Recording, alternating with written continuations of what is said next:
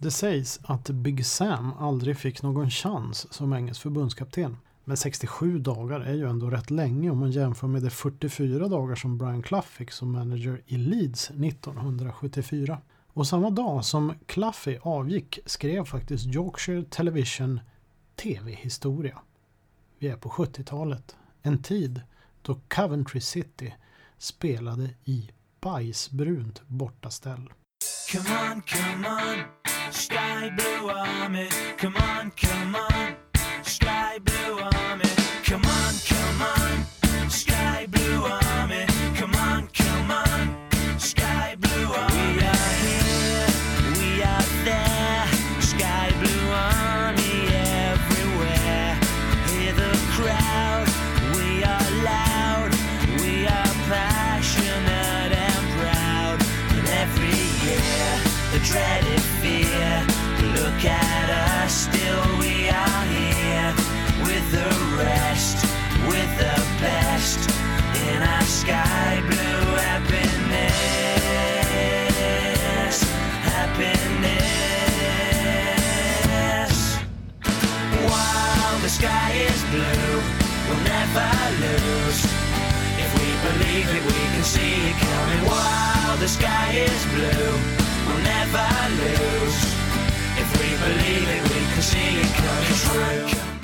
Förlåt, chokladbrunt ska det vara. ITV sände i förra veckan faktiskt en dokumentär som jag inte sett ännu där ett förhållandevis litet textilföretag från the Midlands, jag tror det var i Leicester, tog engelskt fotbollsmode med storm från mitten av 70-talet.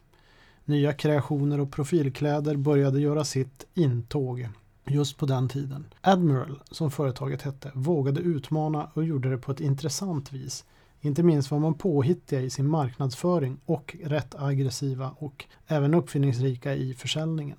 Minns själv min eh, första postorderkatalog som jag beställde i slutet på 70-talet. Jag hade endast råd att beställa vimplar och pins från den men sneglade en del på klädesplagg i form av matchställ, träningsjackor och liknande. Och det handlade främst om två märken på den tiden vad jag kunde komma ihåg. Det var Admiral och det var Umbro. Det jag inte visste, där i slutet på 70-talet och början på 80-talet var hur nytt fenomenet ändå var. Get Shirty heter dokumentären som jag pratar om och beskriver hur modeskaparna skruvade modet så pass långt att Coventry City drog på sig det mest bajsbruna ställ historien någonsin skådat.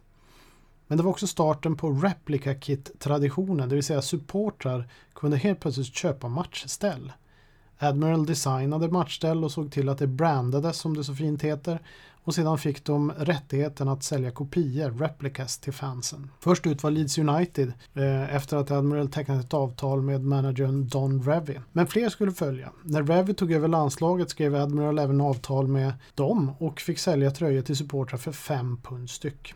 Tidigare hade det mest handlat om halsdukar och hattar och sådana saker. Och om du ville iklä dig klubbens tröja fick du köpa någon likartad tröja och sy fast ett klubbmärke. Men allt detta förändrades som sagt var i mitten på 70-talet och rätt snabbt växte kreativiteten till chokladbruna bortaställ eller bajsbruna som de egentligen uppfattades som. Och mycket tack vare faktiskt den här Don Revy. Mannen som inte tyckte någon detalj var för futtig för att ta tag i eller något pund för lite att tjäna. Bland annat ändrade han Leeds Uniteds tröjfärger till vita i syfte att inpränta samma segervisshet som han upplevde fanns i Real Madrids tröjor. Det här gjorde han redan i början på 60-talet innan de gick upp i högsta divisionen. Don Revy var en erkänt duktig center själv från 50-talet, vilken sannolikt var en av de allra första falska niorna. Det som idag benämns som något förhållandevis nytt gick faktiskt då under namnet The Revy Plan när han i Manchester Citys tröja drog sig ner i plan i syfte att dra med sig centerhalven och förvirra och framförallt kanske även förvirra halvbackarna. Don Revy blev dock mest känd som manager som tog Leeds United från andra divisionen där de var i början på 60-talet när han tog över och sen så gick de upp 1964 till högsta divisionen och efter det så blev de klubben som alla andra ville vinna över. Och fram till 1974 när man tog Eh, det sista ligaguldet med, under Revy-perioden, man skulle ta ett 92 också, så var det laget som alla ville slå. Det var inte Bill Shankleys Liverpool som var väldigt starka där i början på 70-talet eller Matt Busbys Manchester United som var väldigt starka i slutet på 60-talet. Det fanns även andra lag. Men det var Don Revis Leeds som han verkligen ville slå. Och skälet var enkelt. Bill Shankly och Matt Busby var skärmiga motivators medan Don Revy fyllde alla boxar som drev andra stora managers till vansinne. Inte minst Darby Countys karismatiske Brian Clough. Han som skulle ta Brian, Darby County till ligaguld 1972. Laget och kollektivet var allt för Revy. Han var den store fadersfiguren i Leeds kittet, patronen, kungen av Guds nåde eller vad man nu vill beteckna honom som. I och för sig, alla managers var kungar av Guds nåde på den tiden, men Revy la sig i allt, från spelares flickvänner till att i detalj kartlägga motståndarna inför varje match. Ingen detalj var för liten för att kollektivet Leeds skulle vinna och ta sina poäng.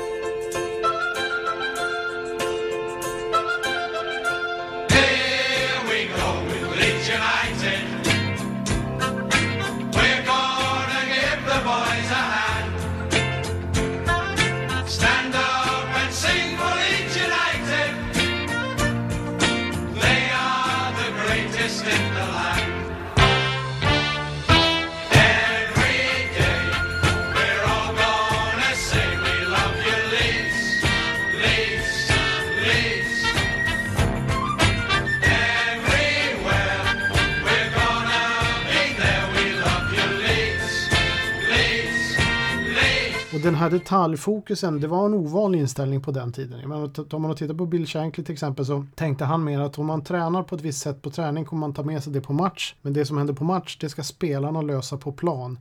Det jag kan göra är att motivera spelarna och få dem att känna självförtroende.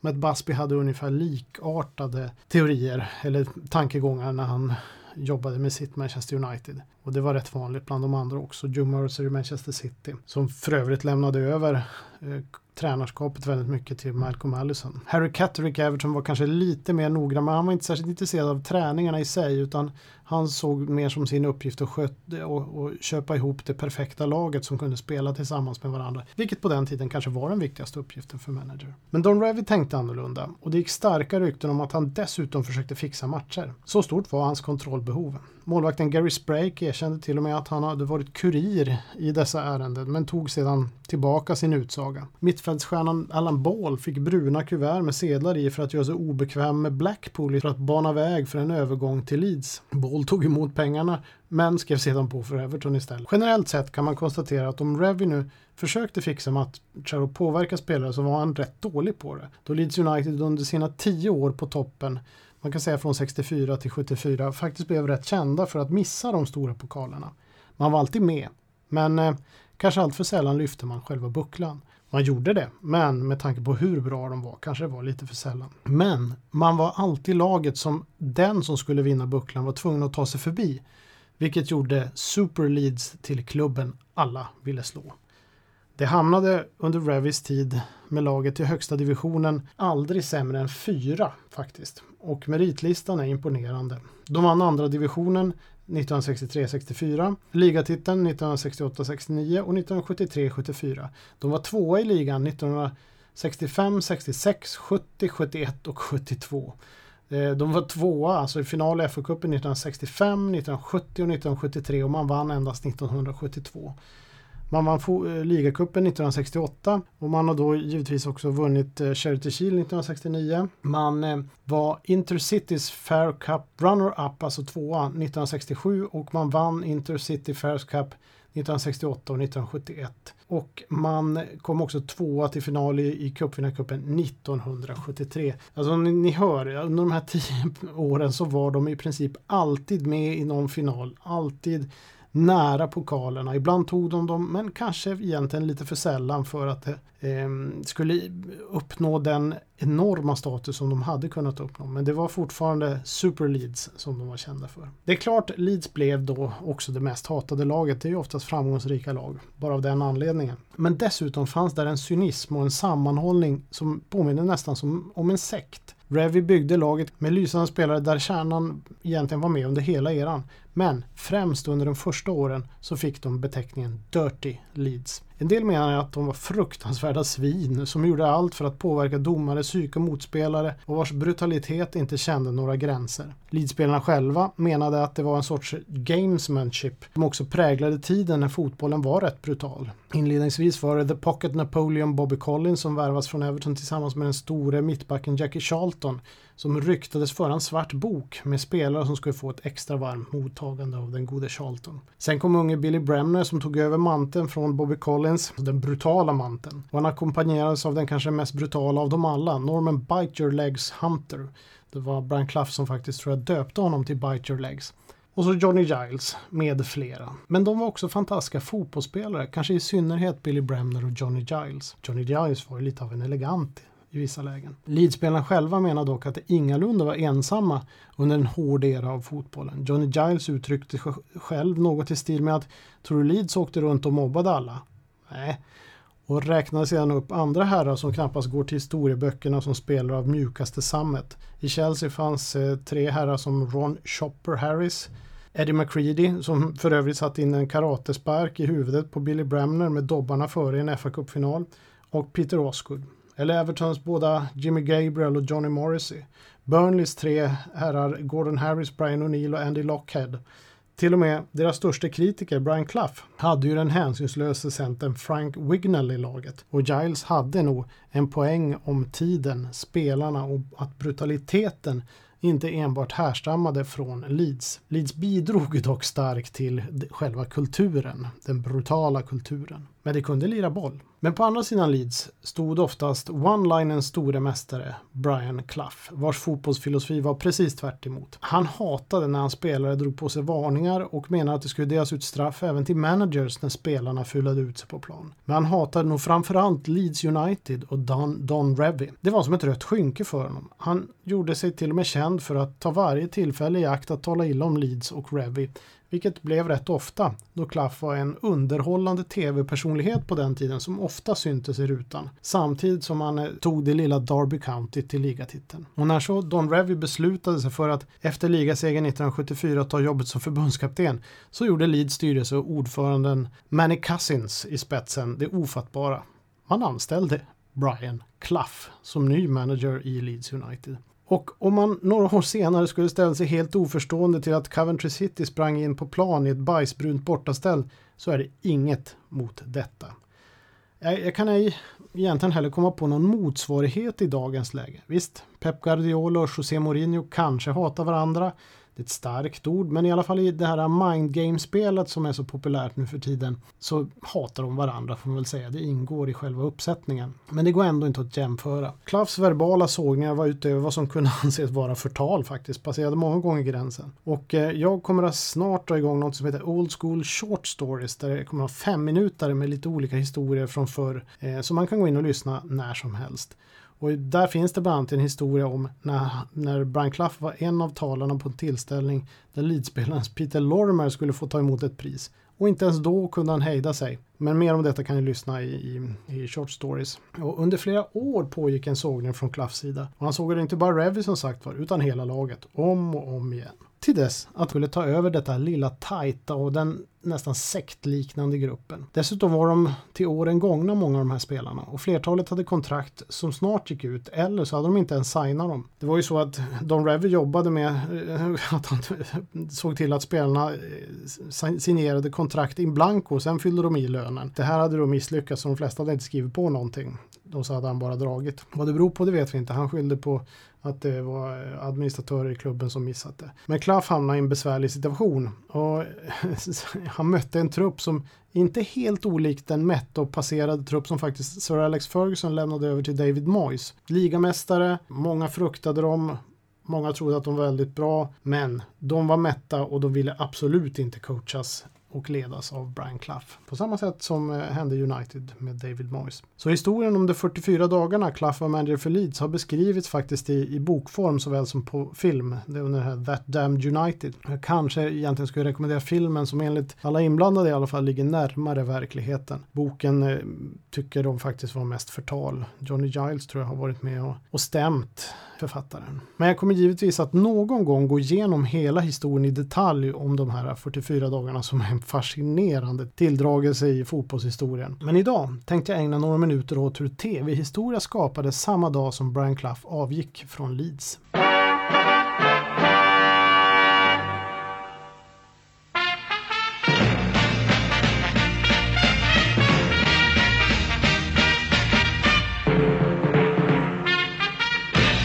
Evening. Tonight, the football world was stunned by the shock news that after only seven weeks in the job, Brian Clough has been sacked as manager of Leeds United. Yorkshire Television, direktsänd, A Calendar Special, under rubriken Goodbye Brian Clough. Programledaren Austin Mitchell har samma dag som det blev klart att Clough fått sparken från Leeds efter blott 44 dagar fått den karismatiska managern till studion. Och inte nog med det, bredvid honom sitter inte mindre än Don Revy och nu skrivs brittisk tv-historia. Det är inte svårt att dra likheter med den stora presidentvalsdebatten 1960 med John F Kennedy och Richard Nixon. En debatt som förändrade valkampanjerna för evigt. TVn fick där sitt stora genomslag. För av de som lyssnade på radio fanns faktiskt en liten övervikt som ansåg att Richard Nixon vann debatten. Men de som såg på TV, ja de såg en brunbränd, vilket ser väldigt bra ut på svartvit TV, och ung John F Kennedy och en nästan genomskinligt vit Richard Nixon med svarta och flackande ögon.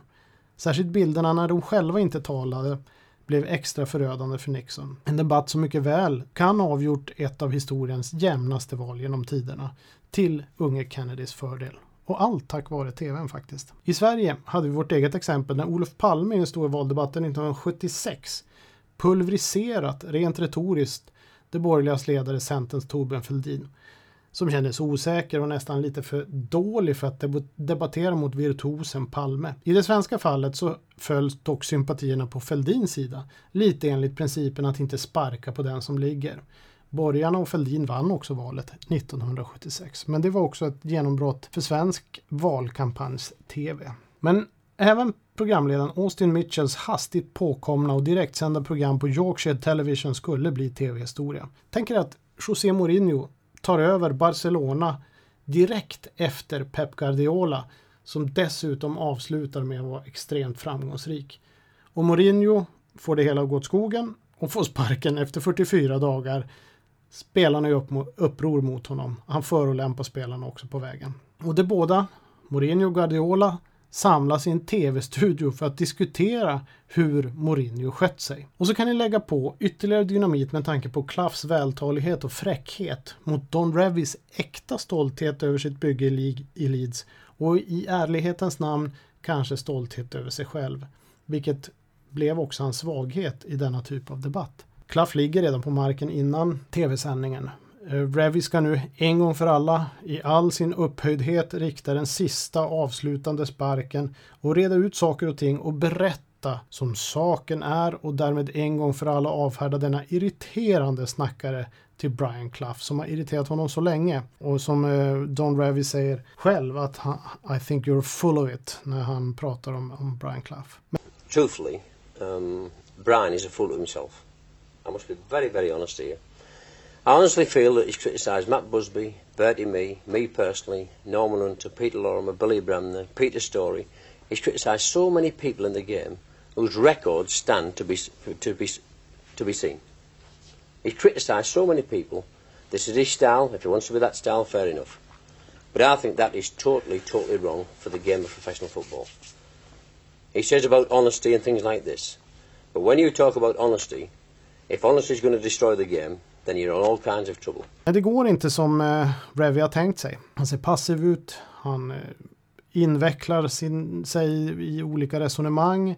Han ser pompös ut medan Clough ler. I slutet av debatten undrar Austin Mitchell vem som kommer att vilja ta i Brian Clough med tång framöver. Han lämnade nämligen Brighton rätt abrupt och sen så hoppade han på Leeds. Så på de båda ställena blev han aldrig särskilt populär om man säger så. Och vid det tillfället när frågan ställs då har egentligen allting vänt. Clough är på väg upp från marken. En leende, ödmjuk Clough som ändå aldrig tvivlar på sin förmåga, tittar rakt in i kameran och får, får tv-tittaren med sig. Samtidigt som det tydligt syns hur mycket Don Revy tar sig själv på allvar och faderligt försöker tillrättavisa Klaff. Såväl som även tillrättavisa Mitchell ibland. Dessutom helt oförmögen att se ett enda fel med hans Leeds och det arv han lämnat efter sig. Hela kroppsspråket berättar hur mycket Don Revy tar sig själv på allvar. I tv ett självmål utan dess like. Och Mitchell har senare sagt att Revino ville luta sig över och strypa denne vältalige, ettrige unge manager som han från början tänkt att tillrättavisa. Having said that, I believe in a different concept of football to Don. I think. I believe that uh, it can be played. Uh, it can be played slightly different to the way Don plays it, and get the same results. Now that might that might mean you know aiming for utopia, and it might be might mean being a little bit stupid, but that is the way I am. I'm a little bit stupid regarding this type of thing. I'm a little bit of an idealist. I do believe in fairies, and that is my you know outlook. Now, Don's slightly different. And his record proves over results that he perhaps is right. But having said that, I want to be like me. Gå gärna in och se intervjun som finns på Old Schools hemsida på Svenska fans. Den är 26 minuter i sin helhet, drygt. Ni kan också gå in på, på Youtube och titta. Det finns olika korta inslag och varianter på den också. Don Revy tog sina metoder i Leeds till landslaget. Inledningsvis bjöd han in 70-80 spelare, det kan ha varit fler, till ett cocktailparty. Som en signal att dessa som var med ingick i hans tankar om framtiden eller planer om framtiden. Vid första landslagssamlingen berättade han också att han höjt ersättningen för spelarna. Det senare föll inte väl ut hos det tongivande typ Emlyn Hughes från Liverpool, lagkaptenen och Alan Ball då i Arsenal som menade att jobba med ekonomiska incitament då det handlade om att dra på, dra på sig Three Lions tröja är helt fel inställning. Och det gick faktiskt snabbt ut för, för Don Revy i landslaget. Ville han dra sig ur och istället för att närvara vid en landskamp stack han till Dubai och förhandlade fram ett guldkantat kontrakt hos Förenade Arabemiraten. Sen sa han upp sig. Men innan uppsägningsbrevet landat hos FA sålde han sin story till Daily Mail för 20 000 pund. FA blev vansinniga, drog honom inför rätta och bannlyste honom från engelsk fotboll. När Revy avgick fanns Klaff bland några utvalda som ville ha förbundskaptensjobbet. Klaff gjorde även en lysande intervju, men FA ville inte ha den typ av frispråkig figur som Klaff var. Och det visade sig att den här intervjun kanske snarare var ett spel för galleriet. Till intervjun var kallade Brian Clough, Laurie McManamy, er som kommer ihåg eh, Southampton en gång i tiden så var han en, en manager där och Bobby Robson som senare skulle ta över England, men inte då. Men de var på en intervju och Brian Clough var folkets man. I princip varenda kotte man frågade tyckte att det var självklart att Brian Clough skulle ta över som manager. Det tyckte även de andra två, McManamy och Bobby Robson. Han gjorde också en lysande intervju. Men problemet var det att FA hade nog redan bestämt innan att de inte skulle ta någon av de här tre. Så det var bara ett spel för gallerierna. Istället hade man valt West Hams gamle manager Ron Greenwood och han hade nog faktiskt redan fått uppdraget innan intervjun var klar. Eller de hade beslutat det i alla fall. Sen fick eh, Ron Greenwood veta det tror jag via radio lite senare. Brian Clough hade dock redan påbörjat en ny karriär i Nottingham Forest vilka han tog från andra divisionen och direkt därpå en ligaseger samt två efterföljande Europacupsegrar och dessutom två ligatitlar. Old School Football lever vidare och nu har podden genomfört en större investering faktiskt i form av en mikrofon. Det i sig innebär att vi kan spela in korta historier, rakt på sak, små händelser i den stora fotbollsvärlden, det vill säga små fem minuters avsnitt som kan avlyssnas när som och ska ses som lite smågodis för den engelska fotbollsnostalgikern som inte kan få nog. Så vi kommer fortsätta med den här podden varje fredag. Sen kommer jag börja spela in såna här short stories som man kan lyssna på när man vill. Det kan man göra med den här podden också. Men ibland så kan jag tänka mig att den här känns lite lång och då passar de här korthistorierna kanske alldeles ypperligt. Jag vet också att det finns rätt många, eller av dem som följer det här, som är mer förtjust i skrivna artiklar och det kommer jag inte att sluta med utan jag kommer fortsätta att varva artiklar och poddande. Tanken är att det ska finnas egentligen något för alla som ändå tycker att det är härligt med gamla stories från den engelska fotbollens dåtid. Och för det som vill höra ett personligt perspektiv, då är det kanske den här podden som gäller. För det här som jag har det personliga perspektivet och det är lite tanken med det här egentligen. Och det är väl tanken att det personliga perspektivet ska ge lite igenkännande. Och för, sen finns det nog kanske de andra som i lugn och ro vill sitta och läsa nostalgiska artiklar. Undan för undan kommer även 90-talet och en ny generation av eh, nostalgi att närmas. Så jag kommer att ge mig in i 90-talet snart. Jag är alltid nyfiken på förslag och idéer så mejla gärna på skribentper.gmail.com så old school fotboll hela tiden kan utvecklas. Men först, låt oss nu höja en bägare för bajsbruna fotbollsställ, kampen mellan Revy och Klaff samt allt vad vi nu älskar med engelsk fotboll, old school fotboll, i väntan på lördag. Skål på er!